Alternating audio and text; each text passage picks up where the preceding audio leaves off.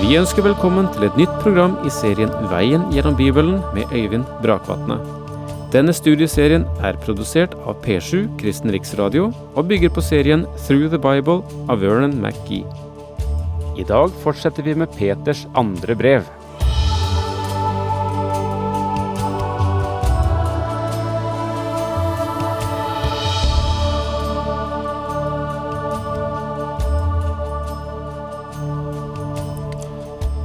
Peter er klar over at det Jesus har sagt om ham, ganske snart skal gå i oppfyllelse.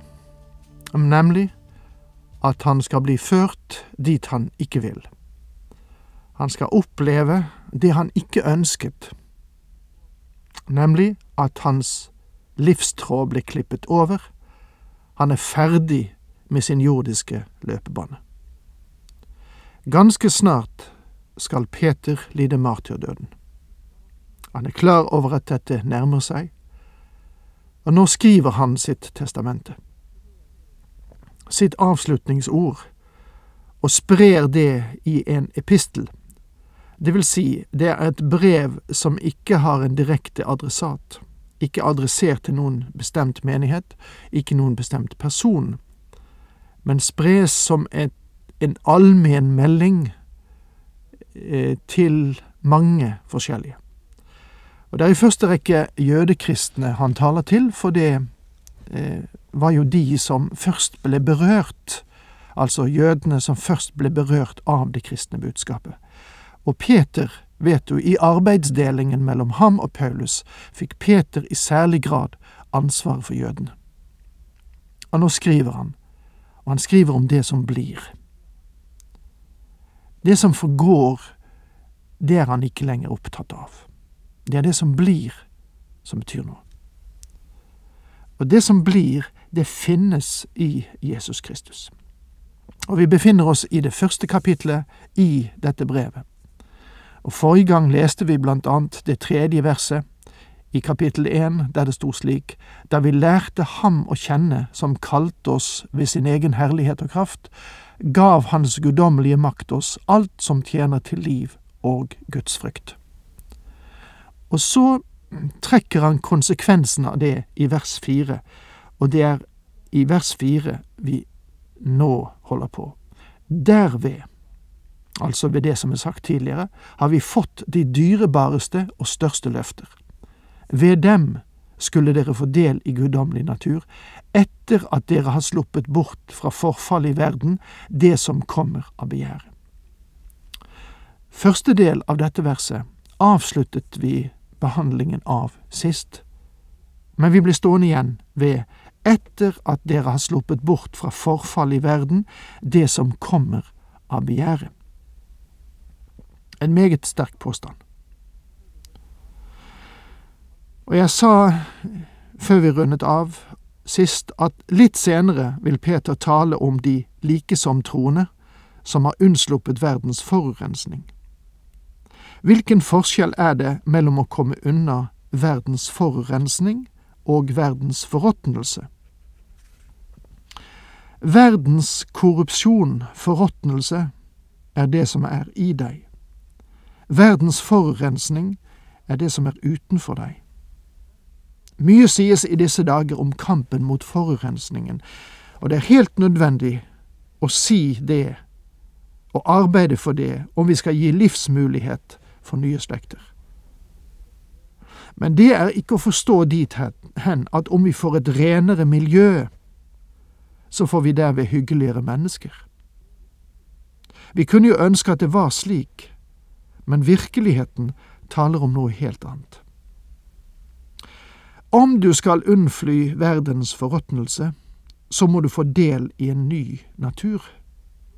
Du må ha del i guddommelig natur og sluppet fri fra det forfallet i verden som kommer av begjæret.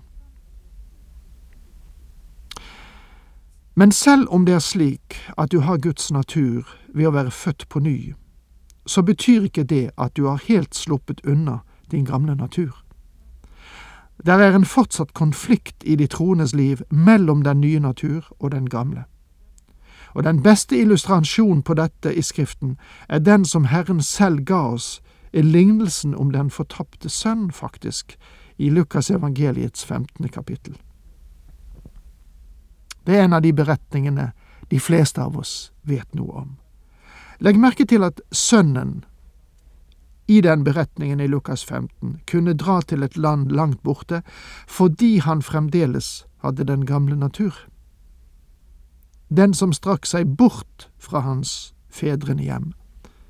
Han kunne bruke pengene sine på et ryggesløst liv, og han kunne til og med ende opp i grisebingen.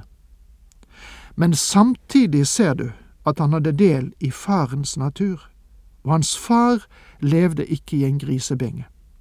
Hans far levde oppe der i et vidunderlig hjem. Hans far trodde på Guds frykt og renhet, og her var nærende mat ved hans bord. Nå vel, denne gutten ville ikke ha vært hans sønn om han ikke til sist hadde sagt Jeg vil stå opp og gå hjem til far. Han måtte si det. De virkelige grisene i grisebingen ville aldri si det. Ingen av disse grisene dro med ham hjem til fars hus. Sønnen har del i farens natur, og derfor ønsker han å vende tilbake til fars hus. Min venn, om du og jeg er Guds barn, så har vi Guds natur. Er ikke det vidunderlig? Vi kan forstå Gud når Han taler gjennom sitt ord, og Guds ånd gjør dette levende for oss. Men Peter stopper ikke med det. Han fortsetter med å si derfor må dere sette alt innpå, eller i tillegg til dette så. Det er som Simon Peter går ut over det som er sagt i verset tidligere. Og jeg føler nesten trang til å si til Simon Peter, hva i all verden kan du legge til løftene knyttet til den Herre Jesus Kristus og det faktum at vi har del i guddommelig natur? Og jeg tror at Simon Peter ville ha svart, vel, når du er kommet dit, så har du bare begynt. Det ligger mer og venter i den frelse som er din. Kanskje det vil overraske dere å vite at det er noe utover frelsen. Ikke i tillegg til. Du kanskje husker at Paulus skrev til Timotius at Skriften er i stand til å gjøre deg vis til frelse, som det står i 2. Timotius brev kapittel 3 vers 15. Siden Timotius allerede var frelst, hva mener Paulus med det? Vel, frelsen kommer egentlig i tre tider. Frelse i imperfektum, jeg er blitt frelst. Men den står også i presens, jeg er frelst. Og du finner den i futurum, jeg skal bli frelst. Mine kjære, nå er vi Guds barn, og det er ennå ikke blitt åpenbart hva vi skal bli. Vi vet at når Han åpenbarer seg, skal vi bli ham lik, for vi skal se ham som han er, skriver Johannes i sitt første brev, kapittel 3, vers 2. Jeg er ikke lik den Herre Jesus nå. Jeg er ikke fremme ennå, men jeg er midt inne i denne prosessen. Nå vil Peter videre tale til oss om kristen modning. Etter at et menneske er født på ny, burde det ikke bli værende i lekegrinden resten av livet. Her skulle være involvert en vekst og derfor må dere sette alt inn på at troen viser seg i rett liv, og det rette liv i innsikt. Innsikten i selvbeherskelse, selvbeherskelse i utholdenhet, utholdenheten i gudsfrykt, gudsfrykten i brorskap og brorskap i kjærlighet. Derfor må dere sette alt inn på at troen viser seg i rett liv. Det kristne livet er egentlig en alvorlig sak. Men vi har av og til gjort det til en slags fritidssyssel.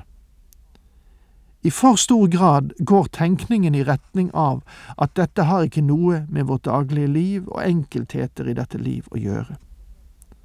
Det er en søndagsaktivitet som vel kan være interessant for livet for øvrig, men ikke må komme i veien for det jeg ønsker. Men Peter skriver at det er noe som vi skal sette alt inn på. Og Det er et ganske sterkt uh, uttrykk. Når Peter lister opp disse dyder som skal springe frem for vår tro, så er det ikke bare en tilfeldig ønskeliste. Det er heller slik at det kristne livet er en vekst. Og det er slik Peter forklarer det i denne epistelen, som avsluttes med disse veldige ordene, Dere skal vokse i nåden og i kjennskap til vår Herre og Frelser Jesus Kristus. En kjent illustrasjon til dette ordet er et tre som vokser. Jeg er sikker på at du har fulgt med et tre i vekst. Ved hytta vår har vi nå ganske store trær, som ble plantet som frø for mange år siden. Og en liten busk ble plantet med den tanke at vi senere skulle flytte den. Det er ikke blitt gjort, og nå er den for stor til å flyttes.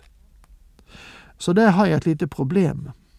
Men tilbake til saken. Det kristne livet skal være i vekst og utvikling. Ute i skogene våre er det to ting som hender, ting som er illustrasjoner på andre forhold. Den vegetasjonen som lever, vokser, og den vegetasjonen som er død, råtner. Det er to um, prosesser som finner sted i enhver skog. Og en av disse prosessene finner også sted i ditt kristne liv og i mitt. Om du er et Guds barn, skal du vokse, og Peter nevner her forskjellige tegn som skal karakterisere vår vekst. I begynnelsen har mitt lille tre svært så mye av svake grener. Myke er de også. Men nå er det annerledes. Her er styrke og fasthet. Og der skulle være vekst og utvikling på samme vis også i det kristne livet. Peter begynner med å si legg rett liv til troen. Og troen det er snakk om her, det er den frelsende tro som gav deg del i guddommelig natur, den som ga deg tilgivelse for din synd og skjenket deg Kristi rettferdighet. Nå skal du legge til noe til det, først av alt et rett liv. Vi kan sikkert drøfte hva som går inn i begrepet rett liv, men Skriften gir oss klare retninger, som for eksempel styrke, mot, redelighet, overbærenhet. Det er soleklart at verden trenger troende som har mot til å stå for det som er rett, og reise seg for å telles med blant de som frykter Herren i denne tid. Og derfor, sier Peter, legg dyd til det som sto i den gamle oversettelsen, eller innsikt, som det noe svakere står i den nye. Og med det må vi si takk for nå, Herren med deg.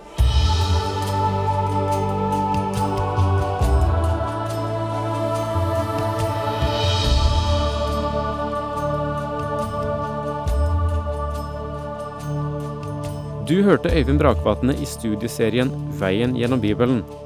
Serien bygger på et manus av Vern McGee. Har du spørsmål eller kommentarer til programmet, kan du sende en e-post til vgb krøllalfa p7.no. Takk for i dag, og på gjenhør.